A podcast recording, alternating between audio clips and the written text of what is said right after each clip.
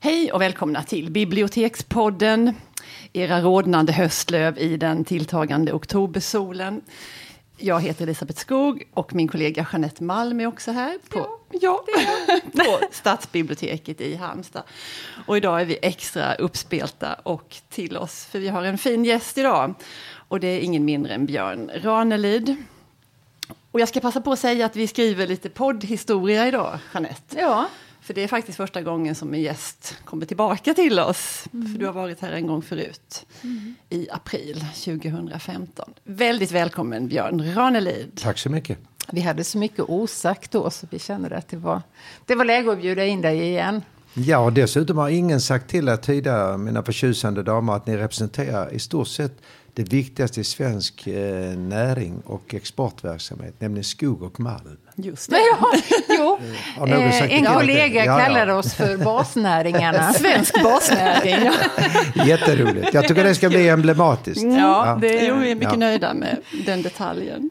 Mm. Eh, vi har också en liten metakoppling i podden som vi kom på när vi mm. förberedde det här programmet. Att för ett en månad sedan ungefär så hade vi faktiskt Sveriges överbefälhavare Mikael Bydén mm.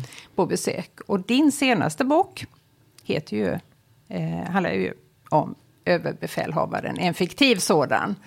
Vill du berätta lite om boken? Ja, i all korthet eh, en eh, överbefälhavare som brister i den stund han ska ta, tala om eh, ryska signalspaningsplan. Mm. Och det är egentligen Per Ragnar, skådespelaren och författaren, som gav mig initiativet till detta, eller in, incitamentet. Och det har jag tackat honom för i slutordet. Utan hans hjälp och hans eh, gnistbildning i den betydelsen att han gav mig uppslaget hade jag inte kunnat skriva den. Och jag var ytterst tveksam initialt och tänkte det här klarar jag inte av. Men jag är där på det sättet rent intellektuellt och mentalt och själsligt att man kan inte förutsäga vad som ska bli fallet. I den stund man har fått någon form av ägelse eller incitament i ett ord, en tanke, en vision. Och i detta fallet tänkte jag så här att det är ytterst få eh, befattningshavare, i detta fallet dessutom den högsta befattningshavaren i det svenska försvarsväsendet, som krackelerar och brister. Mm. Våra politiker gör det aldrig i plenisalen. Jag har också skrivit och sagt att när människans kropp är för liten så gråter hon och skrattar. För kroppen kan inte härbärgera tår och skratt. Det är därför ni så sällan får höra människor skratta och gråta med en tyngd i dignitet. Vi har fall med Ove Reiner som grät i samband med, eh, eller nästintill grät i samband med att Olof Palme sitter bredvid någon presskonferens. För det som kan vara extremt överdrivet. Jag ska inte gå in på det här nu. Eh, Vi kommer ihåg det. Och Bergman har gråtit när han har kungjort eh, skolmassakrar. Eh, vi har Göran Persson eh, i samband med Anna Linds bortgång, mm. Eh, Nordiska kompaniet. Och vi har faktiskt också Ingvar Carlsson som är mycket nära den stund han tar vid stafettpinnen efter mordet på Olof mm. Palme sista dagen i februari 1986. Så det finns historiska exempel, men dock mm. aldrig en överbefälhavare. Nu är det Axel Wiman som brister och så här lyder faktiskt första meningen. Nu kan ni intyga att jag tar det in extenso utan manuskript. Mm. När överbefälhavaren Axel Wiman plötsligt började gråta under presskonferensen så lät det till en början med bara som en svag bris i barndomens rapsfält. Men innan dagen var över hade många människor förvandlats till rovdjur och fåglar som kretsade över sitt byte. Punkt. En människas liv kan vara som två öppna händer. Men överbefälhavaren Axel Wiman hade knutit en av dem och där gömde han sina hemligheter. Punkt. En människas liv kan också vara som en äng för allas fötter. Mm. Så. Mm. Fint. Mm. Är det speciellt med första meningen i en bok? Eller det, det gissar jag att det är. Att det, håller du på mycket så när du, när du skriver? Ja, det är heligt det, för mig. Mm. Nu har jag skrivit en roman om, eh, om eh, före detta nakenmodellen Kristina Lindberg. Jag lämnade manuskriptet för två dagar sedan till Eva Bonnier. Ja. Och eh, hon eh, har ju ett liv som inte har synts på det sättet som jag har fått ta del av hela det, mm. den delen som aldrig hon har talat om. Hon har, de gjorde ju ett K-special om henne. Hon har varit i, i uh, P4 Extra och hon har suttit som Malou von Sivert. Hon har varit kanske världens mest avklädda kvinna. Mm. Men jag har ju sett henne naken så många gånger så att nu tar jag på henne kläderna. Hon har varit chefredaktör för Flygervyn, utbildad ja, journalist, Sveriges främsta expert på vargar. Mm. Mycket duktig och kunnig i svampar. Men framförallt är det ett liv som inte har synts utåt som jag nu får ta del av. Och då kan jag ta första meningen där också. Den men gör det. Ja, Ja. det vill vi jättegärna. Det är nog Ja. den vackraste jag någon gång skrivit. Men samtidigt också den mest dramatiska. Alla barn borde sitta som kronbladen i en blomma och lyssna när deras föräldrar läser sagor eller äter kvällsmålet tillsammans. Men min pappa slet bort ett efter ett av de spröda bladen och sedan trampade han på oss. Punkt. Nattviol, guldviva och johannesnycklar är fridlysta i Sverige, men inte barnen. När mannen lyfter handen för att slå faller barnet och kvinnan som ett nät över honom. Där var min pappa kvar resten av sitt liv. Och eh, han har slagit läger i min själ. Och jag kan inte bli kvitt honom. Jag har en inledning till Kristina Lindberg och Vargarna. Och bara den första meningen är en kristall och en eh, buljongtärning för hela romanen. Så nu kan ni släppa den buljongtärningen i vatten och så får ni alla dofterna, smakerna och färgerna. Får jag fråga hur du gör när du skriver? Alltså, skriver du om och ändrar och går tillbaka och liksom knådar med texten? Jag är extremt noga. Ja. Jag, är, jag är extraordinärt koncentrerad. Men första meningen är ju helig för mig. Margareta, Mm. min fru, brukar inte skälla på mig, men hon klandrar mig för att jag tar så lång tid med första meningen. Mm. Och eh, det är på något sätt att jag kan inte skriva någonting utöver den om jag inte har skrivit Nej. den. Så att det, och det är ju väldigt konstigt, men första meningen är helig för mig. Det är en Mm. portal. Och det är någon form av eh, initiationsrit till det övriga som kommer. Och det är väl möjligt att jag är lite kinkig när det gäller detta eller att jag är lite väl för uppfordrande mot- gentemot mig själv. Men icke desto mindre så har detta utvecklats genom åren. Det är nu 34 året jag är inne på sedan jag debuterade den 25 oktober 1983. Det är fem, 35 bok. Ja, det är det jag tänker. Du har ju ganska regelbundet släppt en bok Mm. per år och ändå lägger du så oerhört mycket möda vid varje bok. Hur hinner du? Och Ja, du åker runt. Du extrem- dessutom eh, skrivit 800 essäer och gjort 3500 framträdanden. Jag har gjort flest framträdanden i Sverige under tiderna. Så det är ingen som kan mäta. Sen dessutom är jag den enda medborgaren, fick jag reda på en journalist nu, som har gjort alla Sveriges, Sveriges största tv-program. Alltså det finns ingen annan levande människa som har gjort eh, Let's Dance, Stjärnor på slottet, Skavlan på spåret, eh, Alltså på Skansen, eh, eh, Idrottsgala, eh, till och med eh, eh, Bingolotto tre gånger, Lotta på Liseberg. Så att, eh, och nu kommer Lars Lerin-programmet, sen kommer dokumentären om mitt liv. Så att det är klart att, att jag har ju ansträngt mig och jag har ju varit relativt sett flitig även i jantelagens högborg på Sverige i världen. Du, vi- ja, innan vi träffade dig nu så pratade vi om det här gången när du var här förra gången då, våren för ett och ett halvt år sedan. För då hade jag, både jag och Jeanette ett sånt minne av när vi följde dig ut ur biblioteket när vi hade gjort poddavsnittet. Och vi var så, det var så fantastiskt för det var verkligen så jättemånga människor på den ganska korta sträckan genom huset. Så var det flera stycken som kom fram och det var Åh hej Björn, och får jag ta en bild och får jag ge dig en kram? Och, och en kille kom fram och ville läsa dikter för dig. Och det är min födelsedag idag och du gratulerade honom och han, och han ville läsa dikter. Och detta var ju bara på några steg. Ja. Är det så? Det här Så var, är det alltid. Så är det alltid. Alltså på bokmässan kanske jag skriver 200 autografer, jag blir nog fotograferad och filmad vi säga 500 gånger. Men jag blev aldrig irriterad. Alltså, Nej, men Nej, men du var så oerhört vänlig Ja, och man förstod att det här mötet betydde så mycket för dem. Men för oss var det verkligen en... Alltså hur orkar Oj. man ha? Nej, men Nej, men jag blir aldrig Nej. irriterad. Alltså, den, den, den det värsta lögnen och mest spridda för, vanföreställningen om mig Mm. är att jag skulle vara förmäten eller skrytsam. Nej, och innan jag dör, så- det men innan jag dör fel. måste det bort. Därför Jag kan tolerera vissa mått av feltolkningar av personer. Det bjuder jag på. Jag kan till och med bjuda på riktigt begåvade lögner. Det är ju rätt roligt att Jan Guillou har gått ner på knä mellan mig och Margareta den 24 9 2012. När vi satt och åt på, på Park Avenues restaurang i Göteborg. Och detta har han tillstått i tre kvällstidningar och i radions program. Eh, eh, och det, det innebär ju också, medierna heter det programmet, att, att uh, Sveriges mäktigaste publicist har gått ner på knä och, och kramat och pussat Margareta på handen och sagt nu ska jag sluta ljuga om dig. Men det har jag, jag har ju accepterat ett visst mått av lögner. Det är bara det att någon gång får jag säga ifrån. Men det innebär också att, att jag är transparent, att jag har inga hemliga telefonnummer. Jag har haft bil, namnet på min bil, vilket många trodde var skryt. Men det är för att jag ska stå för mina handlingar på allmän väg. Jag har namnet ute på en skylt där vi har sommarhus. Jag är så trött på alla förmätna pseudokända människor som stöter bort de som är viktiga. Jag är ju långt, jag är ju långt mindre viktig än, än mina läsare. Ja, det är klart om jag inte har skrivit böckerna har jag inte haft några läsare. Men alltså rent konstitutionellt och ontologiskt är jag ju inte talare, inte författare utan läsare, utan lyssnare. Och glömmer man bort detta blir förmäten och självgod, då har man inte förstått vad livet går ut på. Nej, men du är det aldrig lite jobbigt med all den här uppmärksamheten? Nej, aldrig. aldrig någonsin? Aldrig. Nej, jag är. Sveriges mest exponerade författare och jag är lika känd som Zlatan i Sverige. Men jag är inte intresserad av att vara känd. Nej. Alltså många tror att jag är intresserad av att vara känd. Eller, de pratar ibland om mitt varumärke. Jag har fått fråga nu i- igår vad de skulle ha något om varumärke. Jag säger jag kan aldrig vara ett varumärke. Varumärke är petrifierande och det är för ting. Det är förbehållet ting. En människa som är levande, och nu ska ni få en vackert ord där. En människa som är i vardande kan ju aldrig bli ett varumärke. Alltså varumärken det är ting.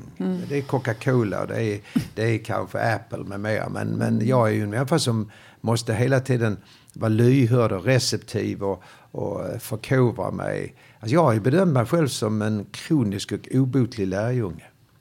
Alltså jag har allting kvar att lära mig. Jag är ens, inte ens torr bakom öronen som författare. Jag går aldrig nära ett läskpapper alltså. Nej, aldrig. Det går inte. ja. Vi gav dig, eh, vi hade en liten genomgång eh, av vad vi skulle prata om. Och då gav vi dig två alternativ som vi hade funderat i innan. Och det ena var att du skulle läsa en kort improviserad pamflett, varför bibliotek är så bra. Och det andra var att vi ville höra dig sjunga Flotta ni får båda det. Ja, Men då ska Oj, jag bara, får båda nej, jag ska bara, jag ska bara rätta dig, kära Jeanette. Att du som är rätt kunnig i mig nu vet ju om att jag aldrig läser något innantill. Ja, jag vet ju det. Ja, det är en belöning på en miljon som har sett mig med manuskript. Och det är inklusive sommarprogram, så du vet, Mm. det är mycket pengar man kan tjäna. Och jag måste, det är ju rätt tufft sagt av mig, för det räcker att det finns, jag tror det finns 80 filmer på mig på YouTube. Mm. Och skulle de hitta en enda film där jag står med, så kan det bli dyrt för mig. Jag ska säga så här, att jag skriver aldrig men jag kan, jag kan nog citera nästan någonting jag har skrivit. Jag har nog inte skrivit just det, men jag kan säga så här, för att sammanfatta betydelse av bibliotek. Dessutom, jag åkte omkring till över hundra bibliotek och en som var mycket tapprare än jag det var ju Per-Anders Fogelström som då tror jag led av KOL eller emfysem och där han var ju oerhört tapper. Vilken gigant och vilken fantastisk människa. Så att jag var ju en lärjunge även i det avseendet. Men icke desto mindre åkte jag ju runt och slogs för folkbiblioteken. Och det är ju så att, att detta för mig är någon slags aorta och stor kroppspulsåder i samhället. Eh, Jag sammanfattar det i två meningar, eller så en enda. Biblioteken är demokratens eh, skattkammare. Men skräckens hus för despoten är envåldshärskare. Alltså i böckernas värld, det är inte frågan om att tala om diskussioner eller ha diskussioner huruvida det står i kamp mellan det digitala, eh, Facebook, Instagram eller mail eller allt vad man nu räknar upp inom sociala medier och det som är biblioteken. Därför att biblioteken är så mycket så det är en hel palett. Jag liknar det vid eh, vattenfärger som aldrig torkar, som glider in i varandra. Så det, man ska inte vara så försiktig och så defensiv när man pratar om bibliotek. Jag säger detsamma om boken. Boken har aldrig varit viktigare än vad det är idag. Ordet har aldrig varit mäktigare än vad det är idag. Och det vet Obama och Sanders och Hillary Clinton och, och Trump. Så du kommer inte undan, du kan inte gömma dig för ordet idag. Så ingenting är så viktigt som ordet idag. Det är 30 000 mil i sekunden det rör sig. 300 000 kilometer i sekunden. Så att ordet har aldrig varit mer viktigt än vad det är idag. Och detta har inte att göra med huruvida det är förlegat att prata om, om gammalmedia och papperstidningar och allt vad man nu räknar upp. Därför att jag ser det som komplementära. Alltså de kompletterar varandra. Biblioteken kommer alltid finnas kvar i en eller annan form. Men en arkivering utav det skrivna ordet. Vi har dessutom en enorm skatt ute i, i eh, hemmen och för bostäderna och lägenheterna. Där det finns privatbibliotek. Jag har ett bibliotek själv på, som ligger på 35 000 titlar. Så vi har väl 35-40 000 böcker hemma. På något sätt finns det en slags social fattigdom i ett hem där det inte finns böcker, där man ser en tv med massa damm omkring och, Mm. och kanske någon frispelare, men inte böcker. Så jag, jag kan ju säga att man kan avläsa rätt mycket till en familj genom att titta på konsten och biblioteken, Mm. eller böckerna och bokhyllorna i en familj. Och det känner jag en sorg inför det som eh, kanske är nu en slags fattigdom hos många människor. Inte en ekonomisk fattigdom utan en intellektuell och Eh, vad ska vi kalla det för, bildningsmässig fattigdom. Och där har vi mycket att göra. Och inte minst ni som jag ser som härolder och apostlar för detta skrivna ord. Så att ni, ni är viktiga, ja ni är faktiskt, ja, vi är jämviktiga. ja men vi är, ni- vi är jämviktiga därför att ni måste ha böcker ju. Och Ja, då ja, måste det finnas författare. Så det är det. Och nu blir det eh, flottarkärlek. Ja. Och det var helt oförberett men jag måste dricka innan. Ja, det får du absolut och jag, jag ska göra. Ja, men då, då kan ju du förklara denna kanske Ja. lite udda Nej, men vi läste på här lite innan och precis det här att du var här för ett och ett halvt år sedan och teaterchefen hade uttalat sig och teaterchefen Ulf Andersson och en journalist här i stan, de hade börjat prata om dig och, och kommit in på det här med flottarkärlek och att du kan alla verserna till den Ja, där. det är inte säkert jag kan, men jag kan några i alla Ja, fall. men det räcker. Och då så skojade jag och Jeanette och sa att Åh, men tänk om vi kunde, för det är aldrig någon som har sjungit i podden. Nej. Det är så mycket för det här med att det nu är ett historiskt ögonblick. Det är här. ett historia. Och då ska ni få lite för, förhandsinformation om detta. Pappa sjöng den ofta när han cyklade och hade hämtat mig i mammas köttaffär. Och dessutom är det så att jag tycker att Gösta, eh, Gösta då, som kallades för Snuddas, alltså Mm. Norgren, han, han representerade bästa folklighet. Han var ju snabbare och mer känd än vad Carola var på tre timmar efter att han Mm. sjöng denna hos, eh, hos Lennart Hyland. Jag tror det var Stora Famnen. Men han, han sjöng inte Haderierna då. Och jag tycker att den bästa folklighet man kan få fram var en snäll människa som gjorde väldigt mycket för andra. Han dog i en inomhusbandymatch improviserat med, tror jag, handikappade ungdomar. Där han föll ihop eh, på golvet och de trodde han skojade. Oj då. Så nu tar jag det så här och det är ju, Ja. det är ju så att jag gjorde den i Alltså på Skansen när dessförinnan eh, Måns Zelmerlöw hade bett mig sjunga en liten gåsabok. Men jag är ju ingen sångare. jag kan inte sjunga, jag är ingen sångare och jag kan deklamera. Men sjunga kan jag inte. Men jag, är- jag tar den risken. mindre, Har jag ja. dansat tango i direktsändning och paso doble så vågar jag väl sitta här och sjunga. är ni Ja, beredda? Ni får inte skratta bara. Absolut. Det är bara för oss. Jag var ung en gång för länge sen en flottare med fej. Alla jäntor var som vax ut i min famn. I alla torp, i alla byar hade jag en liten vän ifrån Norderås till skiljet ner vid berg. Hadderian haddera, hadderian haddera ifrån Norderås till skiljet ner vid berg. Jag har spelat på mitt handklaver för flottarna vid ån. Har dansat upp för vid Näs. Jag har hoppat över forsarna med älvor och med rån. Medan daggen gått till ro på ängens gräs. Hadderian haddera, hadderian haddera. Medan daggen gått till ro på ängens gräs. Jag har spelat på mitt handklaver till dans vid Rim och bro. Jag har dansat med den vackra Majenås. Jag har svurit blonda Anna, evig kärlek, evig tro. Medan lägerelden falnat in vid nås. Hadderian haddera, hadderian haddera. Medan lägerelden falnat in vid nås. Jag ska spela på mitt handklaver så länge jag finns till i min koja invid Rekaforsens fall. Jag ska älska, jag ska drömma, jag ska sjunga om jag vill. Medan månen över moarna. Går vall. Hadderian haddera, hadderian haddera medan månen över moarna går vall. Det är inte roligt den som inte kan sjunga. Nu har vi så- Underbart. Har vi satt det. Ja. Fantastiskt. Ja. Jag slirade på en värsta början, men jag lyckas rädda det. Ja, ja, det ska ja. vara en dansat över ängarna med, så att säga, har dansat över forsarna med älvar och med rån. Men jag, jag vände på det, men det gick Ja, rätt. det gick Tänk att jag kunde klara. Ja, att jag kunde klara att vända på den. Ja, Ja, det var Ja. lysande. Eh, Ja, ja, vi brukar alltid fråga Ja. varandra och gästen och sådär, vad vi läser just nu. ja, det är mycket du. Det är mycket herregud, du, jag har vi- sex böcker på gång. Oj, jag läser ja. Swedenborg och det är flera böcker av Swedenborg. Jag köpte den ut på Bokmässan. Sen läser jag eh, om, eh, nu ska vi se, jag läser i Linné, jag har Swedenborg, jag har Peter Halldorf. Eh, läser om lite i alla fall, läser jag om eh, Peter Hög senast, eh, Susan-effekten eller effekten av Susan. Eh, Den, den, den. eh, Men nu är det så mycket jag läser av, av, av Swedenborg så att jag läser nog fyra böcker samtidigt. Där med både Drömboken och, och flera andra. Sen läser jag... Vem är det mer som jag Jo, jag läser, jag läser faktiskt...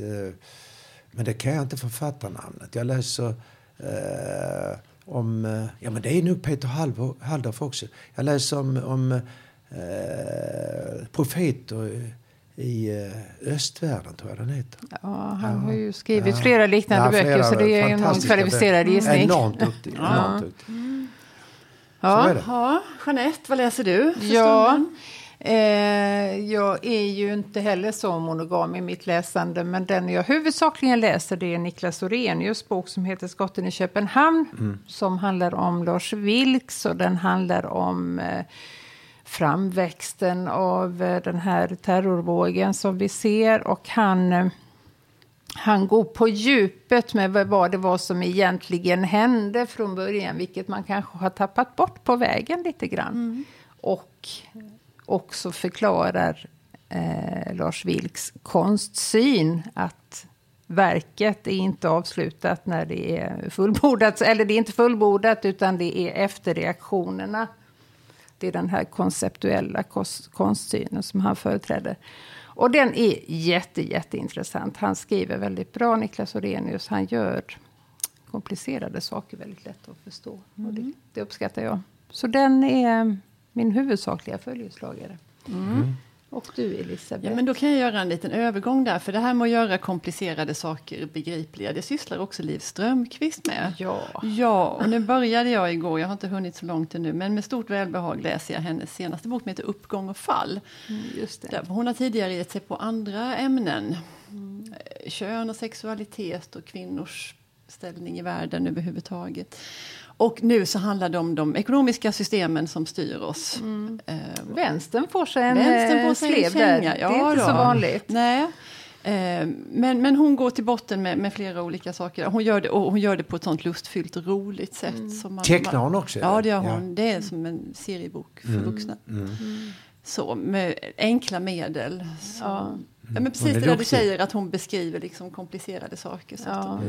blir begripliga. Heder åt dessa människor. Mm.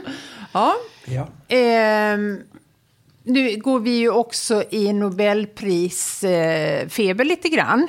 Det är faktiskt nästa torsdag som det ska tillkännages. Ja. Vi här på biblioteket har en intern vadslagning som vi kallar för Bettys betting. ja för det är jag som är mamma till bettingen. Ja. Ja, ja. man kan tjäna men grova om pengar. du skulle sätta en 20 på detta, vem, vem tror du? Ja, alltså jag fick frågan men jag har inte svarat på den därför att jag har inte tid att Nej. svara på alla de frågorna för de ofta ringer tidningarna mig. Mm. Eh, det är en del som jag inte vill säga varför jag inte tycker att de ska få Nobelpriset. Men och därför så säger jag inte någonting efter. Men jag säger de som brukar förekomma i spekulationen. Det är ju Mm. Joyce Carol Oates, Adonis. eh, Adoni, Adono, jag tror nu ska man ska säga Adonis. Ja. Eh, de, de här brukar ju förekomma. Eh, när det gäller Sydafrika så blev det ju faktiskt så att både, eh, nu ska vi säga, Coetzee har ju fått det ju. Men det har även eh, Najim Gardemi fått. Ja. Och det betyder att man gick förbi Brink. Ja, och jag var ytterst tveksam. Jag kan ta något roligt exempel. Jag var ytterst tveksam när jag hörde det här med Coetzee. Men när jag väl har läst in mig på Coetzee kan jag berätta att jag läser om hans böcker. Jag är nog inne för fjärde gången och läser OO och de andra som kom där. Eh, fantastiska texter. En, en gudabenådad stilist. Jag är så glad när jag kan, när jag kan eh, beslås med att jag har haft fördomar och varit lite okunnig i de fallen. Eh, om jag själv skulle vilja säga något nu, det är de som jag har hållit högt har ju redan fått det. va. Sen är det några som jag anser absolut inte ska ha fått i det förflutna. Men vi går inte in på det för det det är så tråkigt att säga. Det är ledsamt, ja. ja. det är inte De kan bli stötta när de ja, hör de oss här. kan det. Eh, Ja, alltså man, brukar ta, man brukar ju tala om, eh, man brukar tala om, i USA så talar man ju om, men nu kan inte han, nu har jag slutat skriva. Eh, Så då kan det inte bli han. Han säger att han ska inte skriva mer, då blir det lite konstigt. Vem tänker du på då? Ja, vad heter han nu? Philip Roth? Philip Philip Roth. Roth, ja. Men, men vi har ett annat starkt namn där.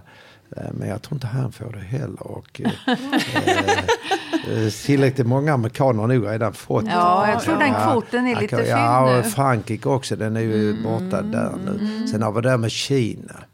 Eh, ja. Men de har också fått Mm, de har också några fått det. Så att, stycken, alltså jag sitter och tänker på kontinenter här. Australien eh, fick det. Men det var Afrika. länge sedan White fick det. Afrika har fått det. Men det, Ja. var, eh, det var några år sedan där. Det har ju varit några afrikaner som har bubblat ja, på listan. Ja, ja, oh, ja. Eh, till och med har jag haft en från Trinidad som fick det ju. Och sen Tranströmer 2011.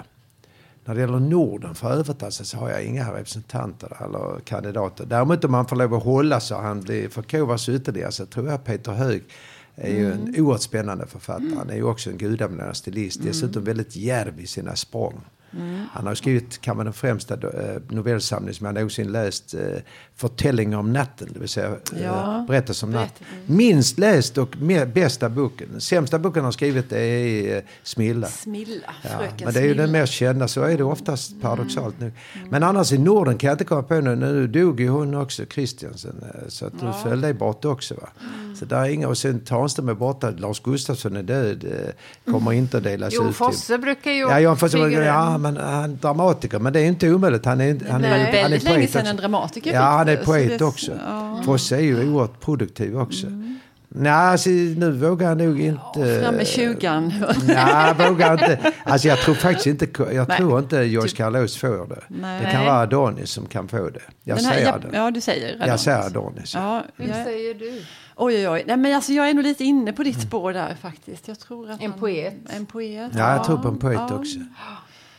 Ehm, nej, men jag säger lite, me- flera av mina favoriter har fått det, så jag har, luften har gått ur mig lite. Jag var Ja. väldigt taggad och det var fantastiskt när Tranströmer fick det och när Ja. Alice Monroe fick Mm. det tyckte jag var bara yes. Ja, det var det. Det Det var var två på raken där som jag bejakat. Ja, Jag har ja. tjatat så mycket om Tranströmer. Jag tror till och med att eh, eh, Niklas Fühler som jag träffade nu på Bokmässan sa att Thomas och Monica visste om att jag var nog den som stred hårdast för dem överallt i Sverige. Jag vet att eh, Esmark kramade om mig och sa att "Björn, nu behöver vi inte skämmas mer.